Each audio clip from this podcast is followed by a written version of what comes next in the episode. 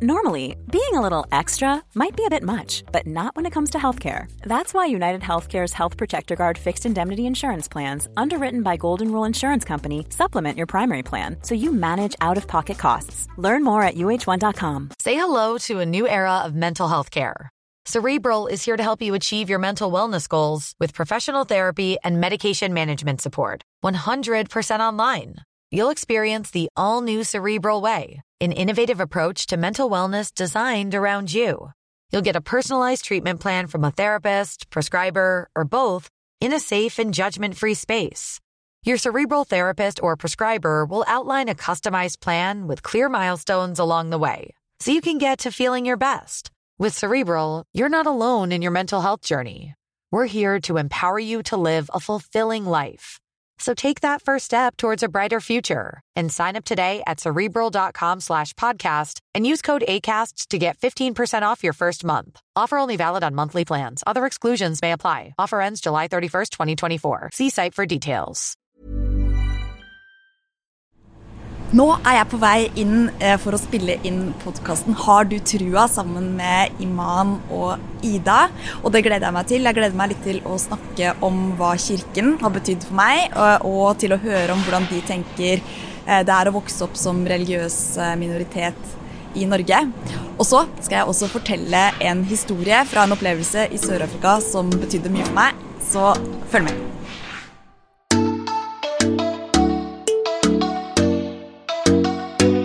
Velkommen hit, Lan Marie Berg. Velkommen. Tusen takk. Det er veldig fint å være her. Jeg er da Iman. Og jeg, er Ida. Og Lan Marie, vi har eh, invitert deg hit i dag eh, fordi vi har hørt at den eh, katolske kirken er veldig viktig for deg. Kan ikke du fortelle oss hva som har gjort at den betyr eh, så mye i ditt liv?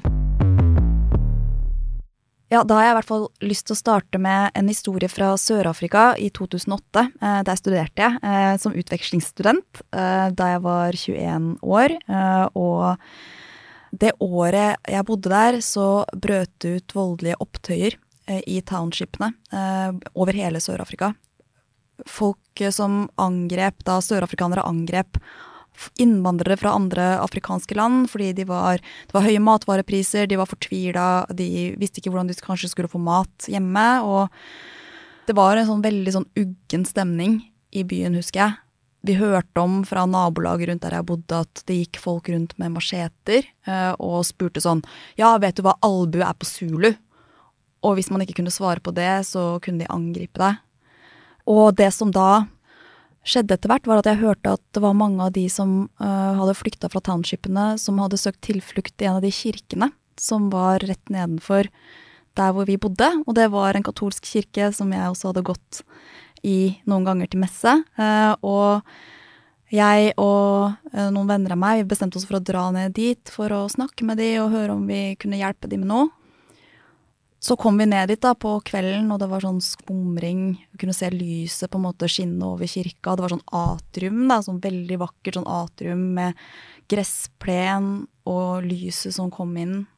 Og så rundt det atriumet så satt det flere titalls mennesker, barn og kvinner. Og de så forferdelig fortvila ut. Og de ville jo veldig gjerne da at vi skulle hjelpe de og, og gjøre livet deres bedre, og følte meg helt hjelpeløs. Jeg visste ikke hva jeg skulle kunne gjøre for de. Og så satte vi oss ned og snakka sammen.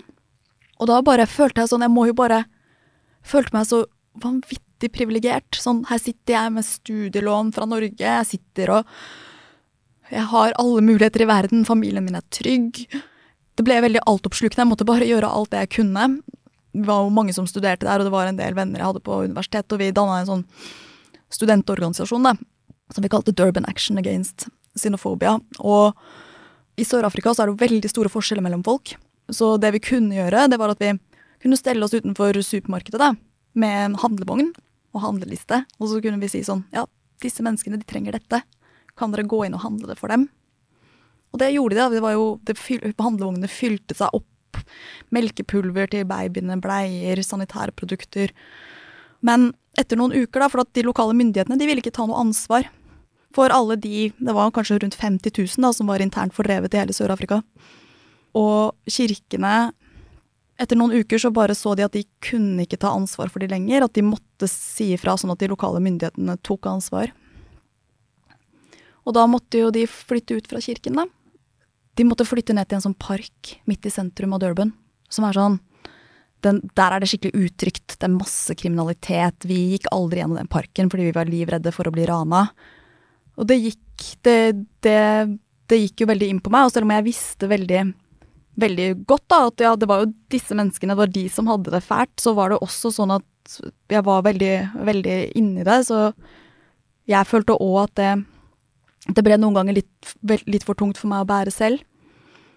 Og da var det veldig fint da å, å også kunne komme til kirken.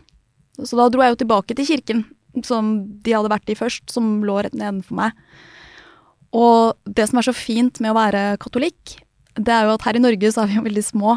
Men i, på verdensbasis så er det en veldig stor religion, og eh, messen har liksom den samme gangen uansett hvor du er i verden. Eh, så da kunne jeg komme til kirken og føle at ja, midt oppi alt dette kaoset, midt oppi alt det som var vondt, så kunne jeg ha noe som var fast, og som jeg kjente igjen, og som var mitt, eh, og som kunne gi meg trøst og håp. Og det, det var så innmari viktig for meg. Og da følte jeg på sånn kjempestor takknemlighet for at det var en del av livet mitt, og at jeg kunne få hjelp der. Er det, hvem er det du på en måte henvender deg til, eller ser for deg da, når, når du ber? Det er et spennende spørsmål. Um, jeg, um, når jeg er i kirken, så ber jeg veldig ofte. Uh, sånn, også fordi vi, man får jo muligheten til å be sin egen bønn um, etter, etter, nattverden, da. Uh, og da ber jeg jo til Gud. Hvis det er noe som har skjedd i familien, eller noe vondt som har skjedd, så ber jeg for de. Uh, hvis jeg trenger styrke til å gjøre noe, eller til å komme meg gjennom noe, så ber jeg om hjelp til det. Uansett om, man, om det til slutt finnes en gud eller ikke, så er det godt å bare få gått gjennom det, uh, og i hvert fall ha tenkt det. Mm. Det å være i kirken føles, det føles også som tiden står litt stille.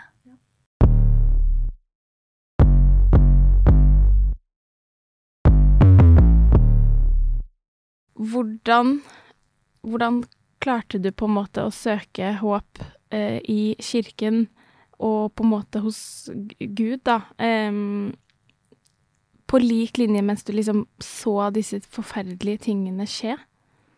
Ja, jeg tror jo litt øh, nesten For jeg reiste jo en god del i studietiden og bodde mange steder på flere kontinenter. Og det jeg øh, har opplevd nesten alle de stedene, er jo at kirken står sterkere enn den gjør her i Norge. Og at religionen da er veldig viktig som et sted å få håp, og få føle på at det er noe høyere, at, uh, at man kan finne trøst, da. Så jeg tror jo at det er en stor del av det at når vi har det vondt, så trenger vi det litt ekstra mye. Og å finne trøst et sted og fellesskap. Mm. Er uh, Gud med deg i dag? Ja, det er litt sånn, det er vanskelig å si. Uh, jeg, jeg, tror jo, eller jeg syns jo Jeg er jo på en måte uh, Jeg syns kirken er veldig viktig for meg. Jeg vokste jo opp med det. Moren min var jo veldig ivrig på at vi skulle gå i kirken hver søndag da jeg vokste opp, og at jeg skulle gå på sånn lørdagsskole på lørdager en gang i måneden. og jeg var også ganske aktiv som ung i kirken. Jeg var med på sånn leir, leirskole med en katolsk kirke på, i Spydberg. Jeg var også med på sånn um, verdens ungdomsdager for katolikker i Køln da jeg var 18, eh, med sånn én million katolikker som dro rundt i gatene i Køln og, og skulle møte paven og sånn. uh, og, um, uh, men så samtidig så er jeg såpass Eller jeg, jeg syns det er veldig vanskelig å tro på en gud. Liksom vite, liksom virkelig tro på at det fins en gud. Men jeg klarer heller ikke å gi slipp på kirken fordi den er så viktig for meg uh, sånn kult kulturelt, kanskje. Så da er jeg vel en mm. kulturkatolikk, da. um, ja, sånn at når jeg, har, på en måte, når jeg må bestemme meg da, for om jeg vil gi slipp på kirken eller ikke, så vil jeg jo ikke det. Um, og jeg merker at hver gang jeg har det vondt, så har jeg veldig lyst til å dra i kirken. Um, så sånn sett så tror jeg Gud er med meg. Ja. Men du, Så det blir riktig å si at du anser deg som katolikk i dag? Ja jeg tror det tok jo litt tid for meg å innse kanskje at det var helt, det var fin, det var helt greit å være, å ikke være sikker på om man trodde på Gud, samtidig som man kunne omtale seg som katolikk, og på en måte syntes at det var viktig for, for, for, for meg og mitt liv. Uh, og det tror jeg fordi at som religiøs minoritet så blir du veldig ofte stilt til veggs og må ta ansvar for på en måte alt som skjer innenfor din religion. og, og, på en måte må ta stilling til alt mulig uh, om, uh, om, det du mener. Men hvis du tilhører majoritetsreligionen, så trenger du ikke det. Da er det jo veldig van vanlig å kalle seg kulturkristen, f.eks. Ja. Har du et eksempel på at du måtte ha forsvart noe? Det er jo veldig mange sånn ja, for, uh, fordommer, da. Uh, og også ting som på en måte dreier seg om at ja, vi har en pave. Noen ganger så sier den paven ting som vi ikke er enig i, eller som kan være direkte skadelig. Sånn som for eksempel når uh, Nå gjør jo ikke den nåværende paven det, men sånn når man har gått ut mot f.eks. bruk av kondom og sånn. Og det er jo sånne ting som ja, som, som kan være vanskelig som katolikk noen ganger. Og jeg husker da jeg var på det der verdensungdomsdagen i Köln, og vi gikk rundt og var én million unge katolikker rundt om i gatene, og det var sånn super festivalstemning, og alle drev og sang, og noen ganger så kunne du liksom få en sånn Det gikk til en sånn gruppe med sånn brasilianske folk som sang den der Guantanamera-sangen, og så var det Og så var det noen som spilte trommer, og så skulle vi sove, da, ute på en slette alle vi som hadde kommet til Köln, skulle sove ute på en slette uh, under åpen himmel, fordi dagen etter skulle paven komme. Og det var bare helt sånn vilt opplegg. Det var ikke lov å ha telt engang uh, pga. sikkerhet, fordi vi var så mange. Uh, så uansett hva slags vær det hadde blitt, så skulle vi sove under åpen himmel. da. Um, og da vi gikk dit, da, så var det protestanter som sto langs med og delte ut kondomer. vi bare OK. Det er gøy. Var bra de tok ansvar, da. Use protection, people. ja. det er veldig gøy. Men du, mm, har du følt litt på det òg, Iman, at du må helt til å forsvare islam? Jeg har pleid å føle på det, um, men eh, det er en liten stund siden jeg bestemte meg for at det er ikke min jobb mm. å forsvare islam. Eller enkeltmennesker som gjør dumme ting, for det har ikke noen ting med meg å gjøre. Så det har vært en lang reise, og det, og har, det har jeg blitt preget av ved at jeg blir, som du sier da, Lan Maria, at man blir stilt til veggs og ansvarliggjort for ting som ikke har noen ting med meg å gjøre. Um, og så ser jeg at veldig mange muslimer i dag må ut offentlig og ta avstand fra helt forferdelige hendelser. Og det pleide jeg å gjøre før også, og nå har jeg bestemt meg for at uh, jeg skal ikke gjøre det noe mer enn andre, fordi at uh, det skal være en selvfølge at man tar avstand fra sånne hendelser. Jeg må ikke ut på en måte fysisk og si at 'jeg tar avstand fra terror'. Det ja. gjør jeg, selvfølgelig. Mm. Um, i, I timene på skolen da, så ble jeg også liksom spurt hvis det var en eller annen muslim som hadde gjort noe forferdelig, liksom, så ble jeg spurt sånn hva jeg syns om det. Og det syns jeg er helt sykt, for selvfølgelig syns jeg jo ikke det er noe bra. Men det er liksom Jeg er ferdig med å på en måte forsvare Forsvare alt det liksom Hva alle andre gjør, og så snakker jeg for meg selv.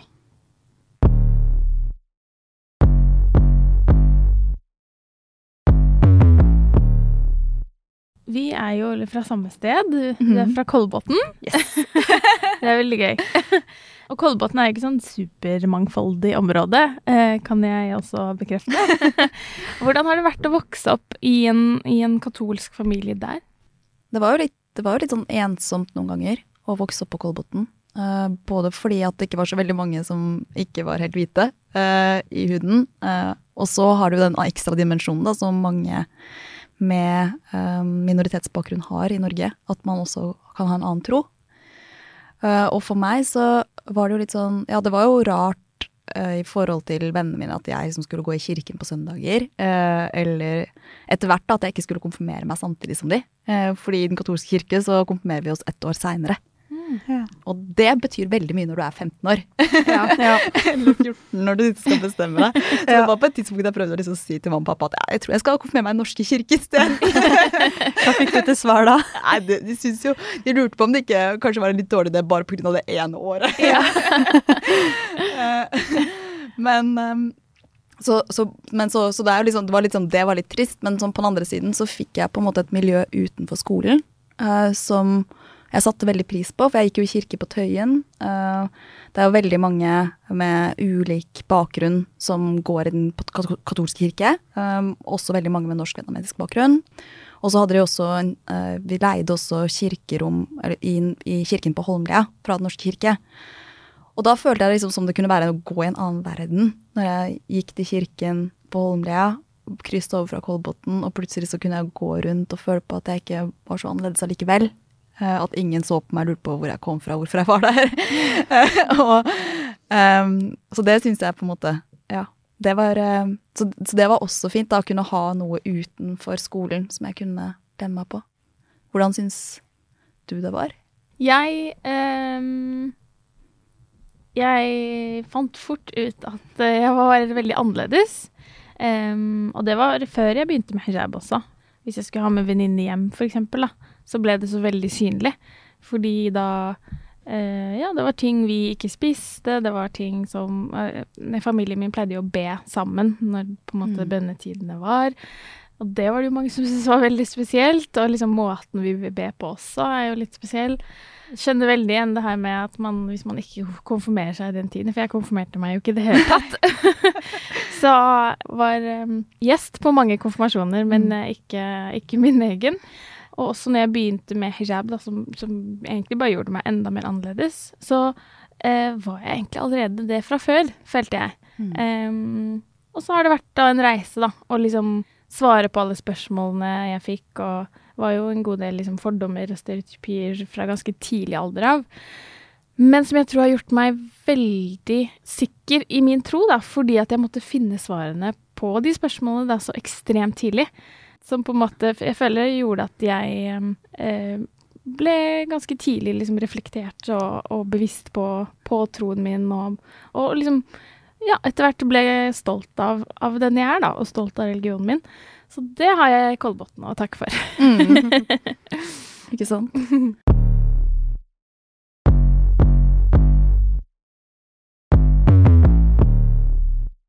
Men du, hvordan ser det ut i den kirka du har brukt og gått i Oslo? Ja, jeg pleide eh, Vi har jo Jeg sogner jo egentlig til St. Halvard kirke mm. eh, i Oslo, så det er der vi har gått mest. Og den har jo en veldig sånn spesiell arkitektur. Den har sånn omvendt kuppel. Og, og da tenker man egentlig at Gud kommer ned, på en måte, Oi. i den omvendte kuppelen. Ah. Eh, men St. Olav kirke eh, i Oslo er også veldig, veldig vakker. Og jeg husker jo da jeg lurte på om jeg skulle konfirmere meg i den katolske kirke eller ikke, eh, så husker jeg veldig godt at jeg var Vi dro i kirken, og det var en sånn vietnamesisk messe. Fordi um, de tilpasser jo noen av de messene da, til de ulike store gruppene da, av eh, medlemmer. Uh, både sant, de som er fra Polen, eller de som er fra Vietnam, og det er, mange, det er flere andre òg. Og så var det bare sånn vanvittig vakkert. Inni St. Olav kirke så er det sånn, det er jo store glassmalerier, så du får sånn vakkert lys inn. Og så husker jeg på en måte når, de, når, koret begynte å synge. Jeg skjønte jo ingenting, fordi jeg, skjønner, jeg snakker jo ikke vietnamesisk. Så jeg skjønte jo ikke noe annet av messen, på en måte. Eh, bortsett fra at jeg skjønte hvor man var, omtrent. Eh, og sånn. Eh, men det var bare så vakkert. Det var da jeg følte noe på den der guddommeligheten, da, kanskje. At jeg skjønte at nå, ja, jeg måtte, jeg måtte konfirmere meg også i kirken. Mm. Mm. Um, og du er jo da gift, mm. og så har du et barn. Mm. Og han du er gift med, er ateist? Ja, han tror ikke på Gud. Nei. Nei. Hvordan har det gått uh, i ditt liv med på en måte at uh, katolske tradisjoner har vært så viktig for deg, da? Ja. Nei, det var jo litt sånn Det første vi måtte finne ut av, var da vi skulle gifte oss, da. Uh, om vi skulle gifte oss i kirka. og det merket jeg at det var veldig viktig for meg. Så da gifta vi oss på rådhuset, og så fikk vi også en katolsk prest til vielsen. Og det syns jeg var veldig fint. Og så er jo noe av utfordringen, da, når man på en måte enten kommer fra ulike religiøse samfunn, eller er at en ikke syns at uh, gudstro er så viktig, eller uh, ikke er religiøs, uh, så er jo utfordringen litt at man ikke har det til felles, på en eller annen måte. men vi har ikke sett Jeg syns ikke vi har merka så mye av det i hverdagen helt ennå. så, men han måtte jo skrive under på sånn papir da, om at da skulle barna våre de skulle oppdras i Den katolske kirke. Mm. Ja. Men har uh, mannen din noen gang hatt lyst til å tatt del i de katolske tradisjonene? Nei, det tror jeg ikke. jeg tror han syns at en del er litt rart. at det er litt sånn. Men, men jeg er veldig på en måte Jeg, jeg tror at hvis uh, jeg hadde syntes det var veldig viktig, så hadde han kanskje blitt blitt med, da. Mm. Men ehm, du har et stort engasjement i klima og miljø. Og så lurer jeg litt på, har det eh, noe å gjøre med din katolske bakgrunn, eller er det noe som på en måte har kommet utenom det?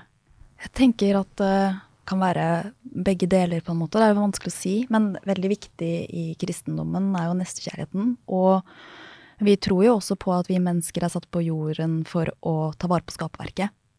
Eh, og at det er vårt ansvar.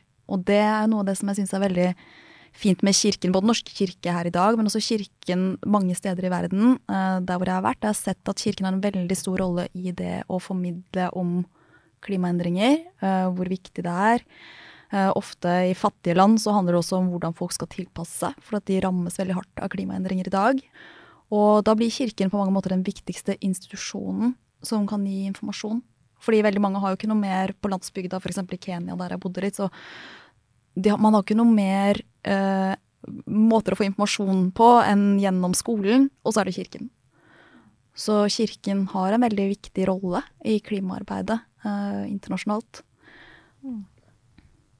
Det som gjorde at jeg ble engasjert i klimasaken, var jo at jeg skjønte at eh, det er de verdens fattigste, de som er aller mest sårbare, eh, som blir rammet hardest. Eh, og det er jo sånn, ikke sant, de menneskene som jeg møtte i Sør-Afrika, som hadde blitt drevet på flukt mange ganger, hadde vært utsatt for forfølgelse, folkemord. Det er jo mennesker som de, som i dag uh, drukner i Middelhavet, uh, som drives på flukt. Også en god del som drives på flukt pga. tørke, ekstremvær over hele verden.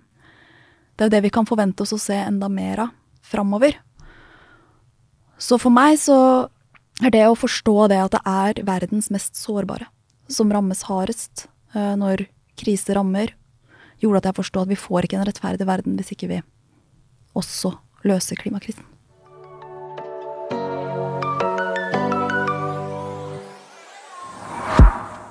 Da er det tid for eh, spørsmål fra lytterne. Eh, og da er det en som lurer på hva er egentlig forskjellen på katolsk kristendom og protestantisk kristendom? Oi, oi, oi. oi. Ok. Ja, jeg pleide, å, jeg pleide å kunne dette veldig mye bedre Ja. før. Men én ting er jo blant annet at vi uh, mener at nattverden er uh, Kristi legeme og blod. At det skjer en forvandling eh, når, under messen, når presten står og eh, gjør seremonien. Mens i protestantismen så kanskje tror man at, at det er mer symbolikk i det, da. Ja. Mm. Mm. For er vel halvparten, over halvparten av alle kristne i hele verden Mm. er katolikker. Mm. Og så er et spørsmål til. Vi har vært litt, du har vært litt inn på det, men det er noen som lurer på hvilke hverdagslige katolske ritualer du har vokst opp med. Ja, det er litt sånn morsomt, for i kirken så vil man jo at vi skal be eh, før hvert måltid. Det gjør man jo for så vidt, kan man også gjøre hvis man er eh, kristen i den protestantiske kirken òg. Eh, men jeg husker en gang på leirskole, eh, så fikk vi sånn triks, da, for at noen ganger så kan det være litt sånn ubehagelig å skulle gjøre noe annerledes enn de andre i klassen. Sånn at eh, hvis vi hadde lyst til å eh, korse oss før vi skulle spise skolematen, så fikk vi beskjed om at vi kunne liksom gjøre sånn her med hånden. At det kunne være At du tar tommelen. Man lager en slags knyttneve, Ja. og så starter man liksom der hvor tommelen går naturlig ned, og så Ja. går man på pekefingeren, og så går man på langefingeren, og så går man tilbake igjen, og da kan det tilsvare korsets tegn. Så da var jeg var vel sånn åtte-ni år. Da skjønte jeg at ja, da kan jeg, da kan jeg gjøre det, da. Hvis jeg har lyst til å korse meg da, eller be uten at de andre merker det. Siste spørsmål. Har du troa på at eh, menneskene kan løse klimakrisen, eller må høyere makter til? Ja, jeg tror at eh, vi mennesker må løse klimakrisen. Eh, Så tror jo vi på da at eh, Gud har eh, overlatt altså skaperverket i våre hender, at vi skal ta vare på det. Eh, Men så håper jeg jo, og så syns jeg det er veldig fint at Kirken engasjerer seg i, i det, og bidrar da på sin måte.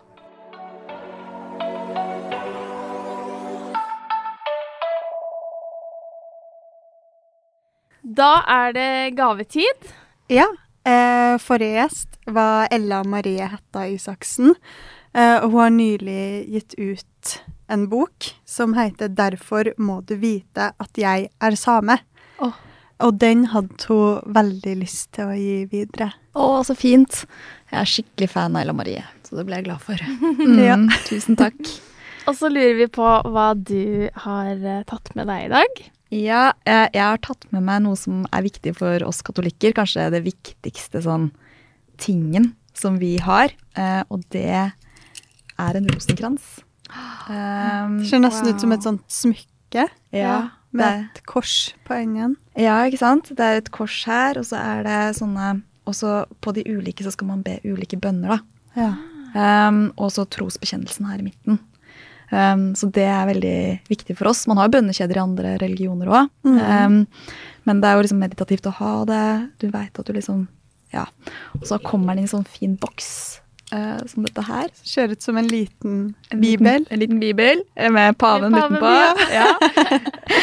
uh, men uh, ja. Å, utrolig veldig fin. Ja. Da eh, sier vi tusen takk på vegne av neste gjest, Ja. som sikkert kommer til å bli veldig glad for å få den. Ja. Tusen takk skal du ha, Lan Marie, for at du kom hit og delte med oss i dag. Tusen takk. Ha det bra. Ha det!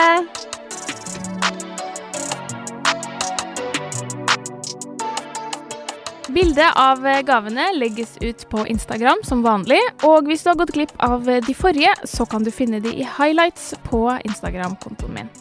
Neste episode av Har du trua kommer ut 10.11. Da får vi Adam Ezari på besøk for å snakke om ekteskap.